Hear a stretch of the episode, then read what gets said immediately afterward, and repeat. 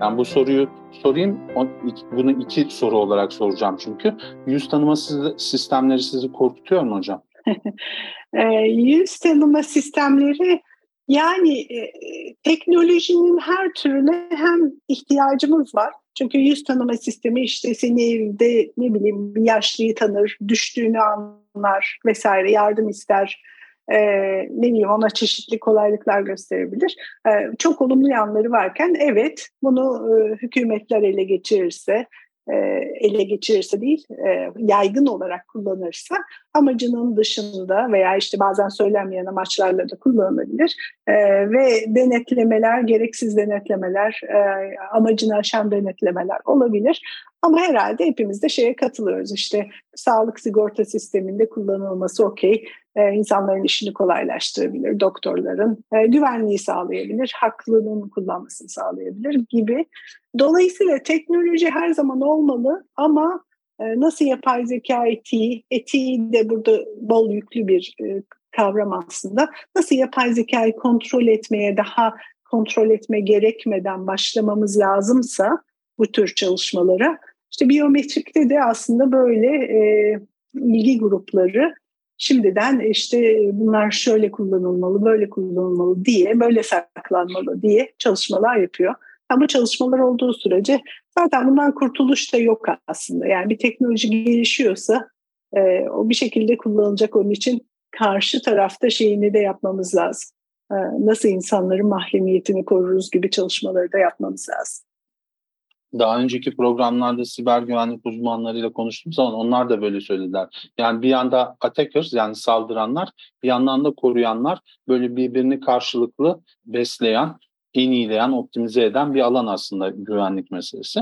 Ama burada şunu soracağım, siz e, tabii şeyden, hükümetlerden falan bahsediyorsunuz da bugün hükümet değil de böyle genel olarak yani kötü amaçlı bir takım mesela genel tabii. Şimdi gibi bir şeyden bahsediyoruz. Hocam veya edebiyatta da bu çok var. Yani 1985 romanını gençler içinde okumayan yok gibi şey şeyi anlatıyor. Yani distopik bir dünya. E, o dünyada herkes gözetim altında ve işte herkes çalışmaya zorlanıyor. Bir sabit bir e, hayatları olsun yani hiç e, dışına çıkamayacakları bir hayatları var ve işte aslında ona e, literatürde gözaltı toplumu diyor. Biraz Çin'de böyle bir durum var. E, Çin'de ne var? İşte Büyük Hong Kong kentine gittiğiniz zaman e, oradaki e, baskıcı devlet anlayışıyla, baskıcı devlet anlayışıyla e, bir tür gözaltı toplumu kurulmuş gibi. Siz bu konuda ne düşünüyorsunuz? Mesela en son COVID-19 salgınında maske tanıma sistemini hızlıca uyguladı e, Hong Kong, şey Çin ve işte olumlu bir sonuç elde etti. E, siz ne düşünüyorsunuz bu konuda? Yani evet söylediğin gibi hani bunu genel anlamda e, konuşmuştuk. E, işte hükümetlerin mesela Çin'in e, bunu e, kullanmasını, yüz tanıma teknolojilerini. Yani insanların işte mahremiyeti bir anda gerçekten yani 1984 kitabında da olduğu veya bir sürü filmde aslında belki genel zeka kadar bu insanların takibi de işlendi konusunun ne kadar e, sıkabileceği e, bu konular çok işlendi yani istemezdim e, Big Brother'ın beni her yerde takip etmesini. Çünkü bunun nerelere varacağı da belli olmuyor. İyi kötü firmalar bunu ellerine geçiriyorlar. Sizin nerede dolaştıklarınızı biliyorlarsa e, olmasın desek de olduğunu öğreniyoruz aslında. Pek çok örnekte oldu bu. E, bunu ticari amaç için kullanıyorlar ama bunları istemiyoruz. Bunun için de buna karşı da ayrı şekilde organize olmamız gerekiyor. Evet, yani bir yandan da olumlu da bir sonuç vardı. Covid-19 sırasında maske tanıma sistemini entegre etti ve e, Çin dünyada Covid'i durduran tek ülke olabilir e, hızlıca. Yani o maske tanıma sisteminden değil de herhalde insanları bayağı zorla e, değil mi evlerinde tuttular, kapılarını kilitlediler falan filan. Ama evet e, Çin'de tabii müthiş bir potansiyel insan gücü ve araştırmacı gücü var. Ee, son senelerde e, de pek çok teknolojinin oradan da geldiğini, çok iyi araştırmalar yapıldığını da gördük. Kolay da adapte oldular bu örnekte söylediğin gibi. Evet.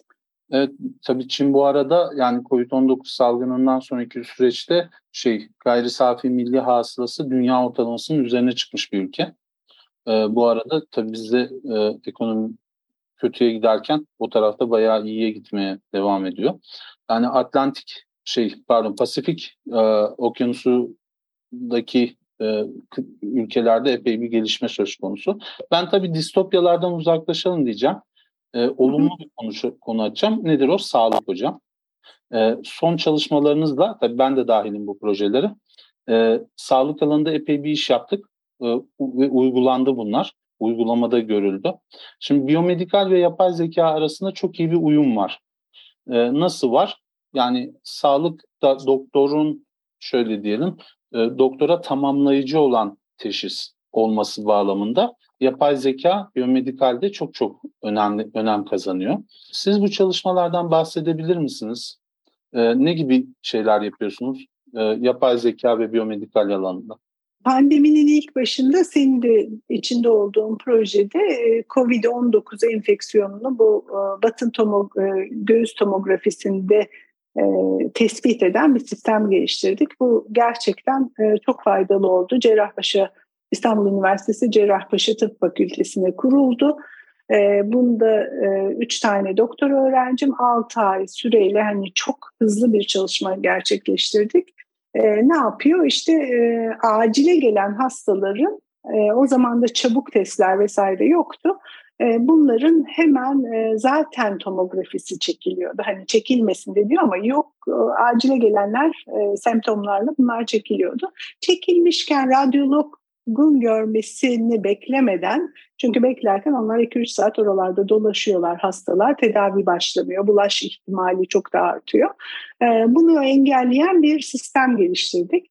Ee, bundan sonra da aslında gerçekten senin söylediğin gibi bana göre sağlık e, dünyaya en çok katkısı olabilecek e, bir alan yapay zeka tarafından bu alanda gelişmeler çok çok hoş olur. Şu anda başka bir grupla da başka bir çalışmamız var. Onda da işte e, beyin tümörlerinin türünü anında tespit ederek hani operasyon sırasında da e, doktora e, yardım etmek amacı var. Aslında burada siz de çalıştınız.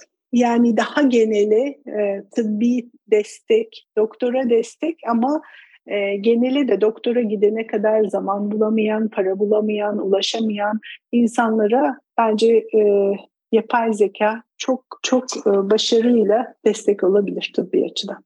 Hocam e, yapay zeka ile e, biyomedikal arasındaki uyum aslında görüntüleme cihazları daha çok. Görüntüleme cihazlarıyla ilgilendik biz mesela. E, siz zamanla yani yapay zekanın gelişmesiyle birlikte görüntüleme cihazlarının içinde e, bu algoritmaların gömülü olarak e, çalışmaya başlayacağını düşünür müsünüz? Mesela bizim şeyde Cerrahpaşa'ya yaptığımız uygulamada biz gittik e, kendimiz bir algoritma geliştirdik. Oraya bir server yani sunucu kurduk. Ve o sunucu bütün e, şeyden Cerrahpaşa'dan e, verileri alıp e, şeyden yani e, makinelerden işledi ve e, orada biz tabii gittiğimizde e, ma, şey Doktorlar gece gündüz orada çalışıyordu, radyolog asistanlar tamamen bitmiş durumdalardı. Ve onlara bir yardımda bulunmuş olduk. Ee, giderek e, bu aletlerin e, içerisinde gömülü olarak bu sistemlerin e, olacağını düşünür müsünüz? Büyük şirketlerin yani mesela Siemens'in makineleri var, tom, bilgisayarlı tomografi gibi. E, bu, bu alana yatırım yapıyorlar mı büyük şirketler? Gençler ee, soruyorum çünkü biyomedikal alanına doğru yönelmek isteyen çok e, genç olacağını ve biyomedikalin de içerisinde yapay zekanın artık çıkarılamayan matematik gibi yani en önemli e, unsurlardan biri olacağını düşündüğüm için söylüyorum. Evet yani e, hardware açısından hani gömme çalışması oluyor mu vesaire bunu bilmiyorum ama yapay zeka ve biyomedikal veya işte e, medikal e, dünyada o kadar fazla potansiyel var ki şu an işte bir üniversite öğrencisi e, şey geliştirebilir. E, cilt kanseri ihtimalini veya cilt kanseri var mı yok mu, türü nedir gibi sadece e, iPhone'la e, veya işte bir akıllı telefonla çekilecek bir şeyle bunlar yapılabilir. Do, e, bunlar yapılabilir, karar mekanizmaları ortaya çıkabilir, görüntüleme tabii bizim e, çalıştığımız alanlardan biri. İnsanların e, işte bazı ilaçlara tedavileri vereceği sonuçlar veya bir e, durumdaki en iyi ilaç e, önerisi. Bunlarda kullanılıyor yapay zeka e, ve çok çok gerçekten potansiyel var. Hocam evet. peki şunu soracağım. Burada biraz etik bir konuya da girmek istiyorum. Şimdi bizim çalıştığımız bu sistem expert sistem yani e, uzman sistemler deniyor bilgisayar literatüründe. E, diyelim ki insan seviyesini geçtik ve işte teşhis artık yapay zekadan geliyor. E, yanlış teşhis gelirse ne yapacağız? Yani bu kadar makinelere doktorlar güveniyorlar mı? Doktorlar ne düşünüyor bu konuda? E, şu anda hep insan human in the loop düşünüyoruz. Yani insan hep devrede olsun istiyoruz. Sadece yapay zeka mesela görüntüyü bana getirirken işte karaciğerin etrafını çizsin. Bunu yapabilir. Şu anda bazen işte başka bir çalışmada yine Cerrahpaşa'yla işte karaciğerin etrafını doktorlar tek tek piksel piksel çiziyorlarmış. Bunu çizmese de yapay zeka çizse de doktor sonra karaciğer büyümesi var mı yok mu karar versin mesela. Ee, bunun gibi yani herhalde şimdilik en azından şeyi bırakmayacağız ama bırak bırakılan örneklerde kötü örnekler oluyor. Yani bu expert system yapay zeka açıklanabilir de çok değil.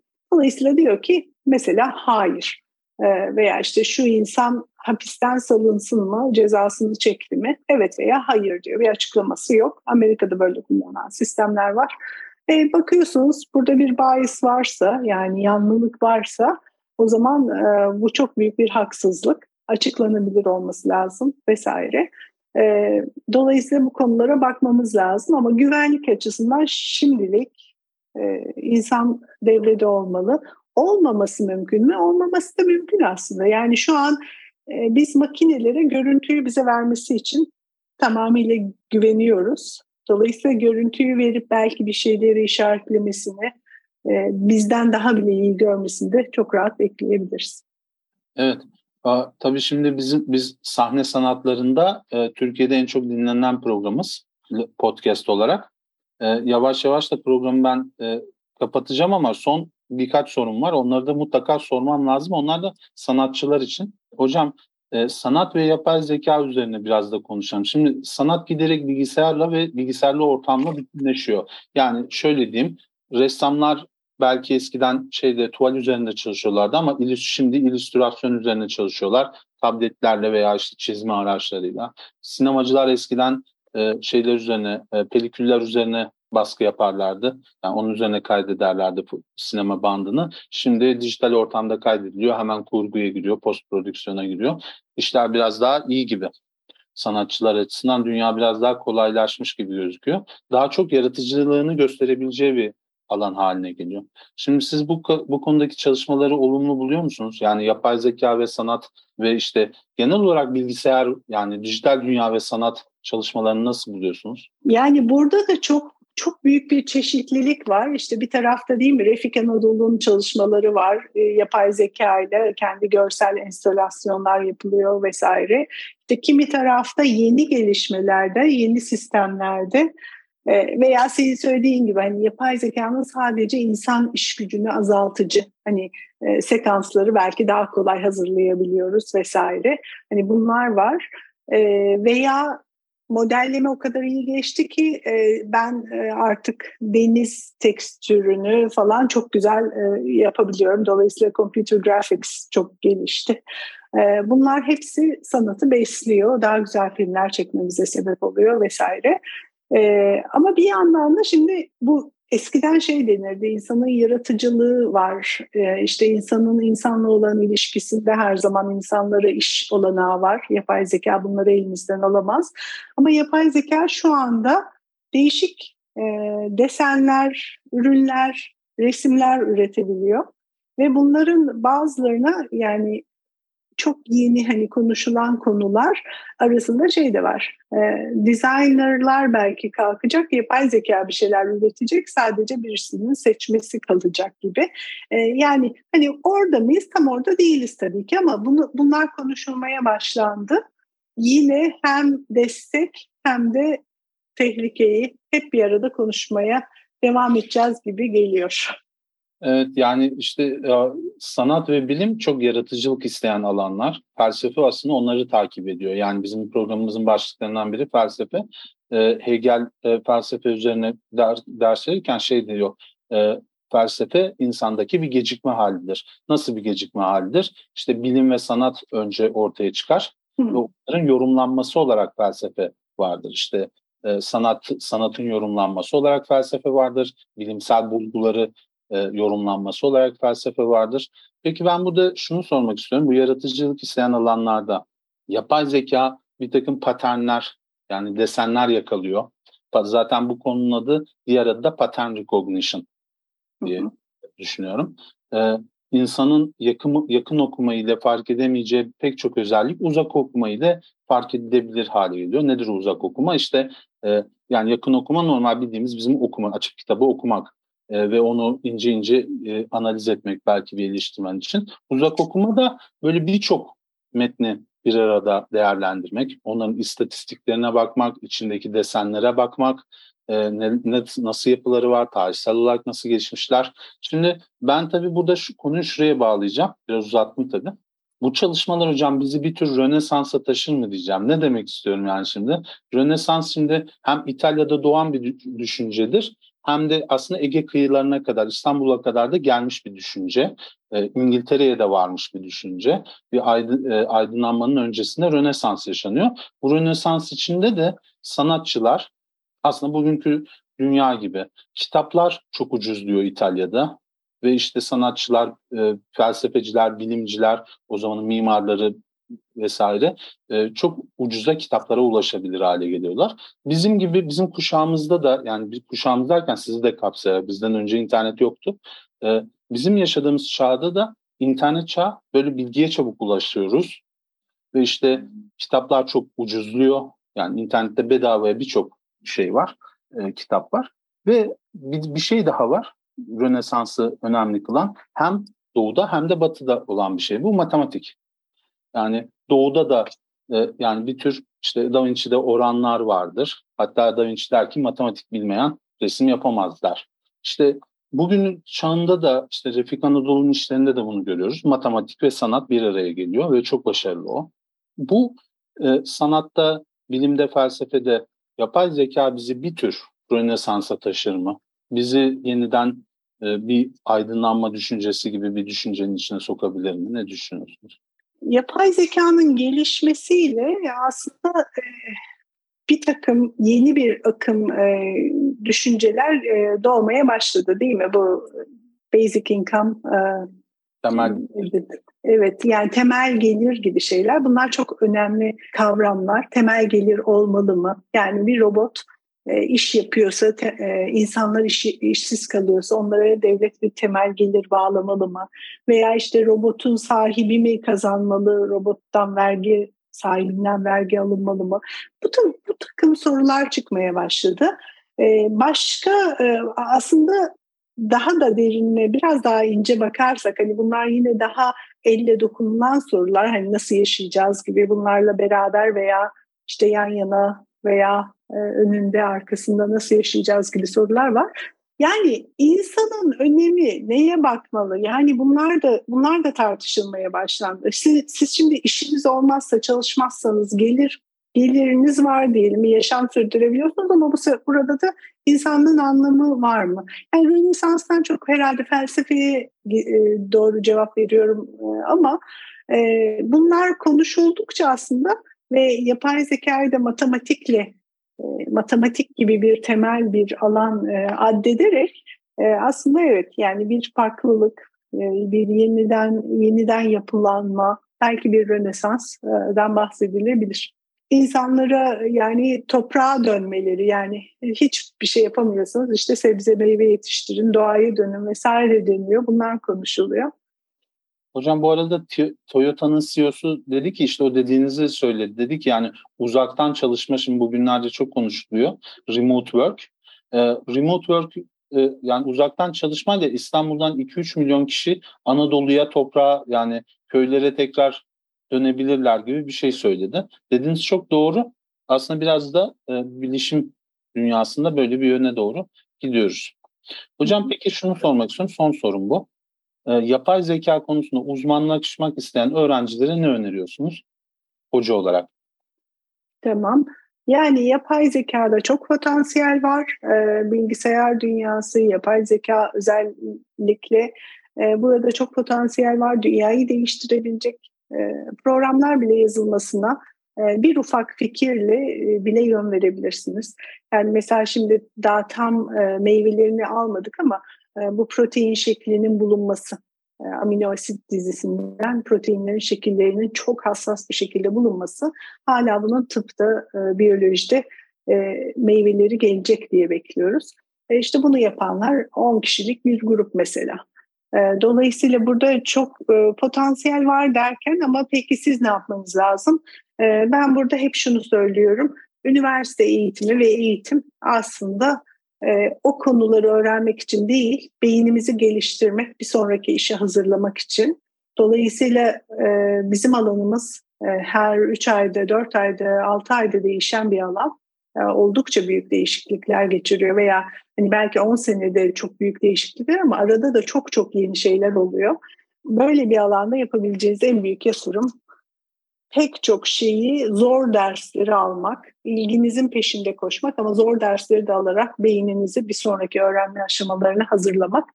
Ve bunu da yani bence bu te- tehlike değil, bu çok güzel bir şey. Ee, yani öğrendikçe bir şeyleri öğrenmek daha da kolay geliyor. Gelecekteki dünyaya da hazır olursunuz diye düşünüyorum.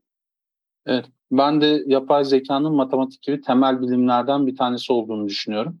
Ee, bugün konuğum Berin Yanıkoğlu hocaydı. Ee, kendisine çok teşekkür ediyorum. Kendisi harika bir danışman. Aynı zamanda da bir e, direktör. Ee, çok iyi, ben doktora sürecimde çok iyi işler çıkardık Türkiye'de. Covid-19 sürecinde de Celal Paşa'ya yardım ettik. Kendisine tekrar ve tekrar çok teşekkür ediyorum.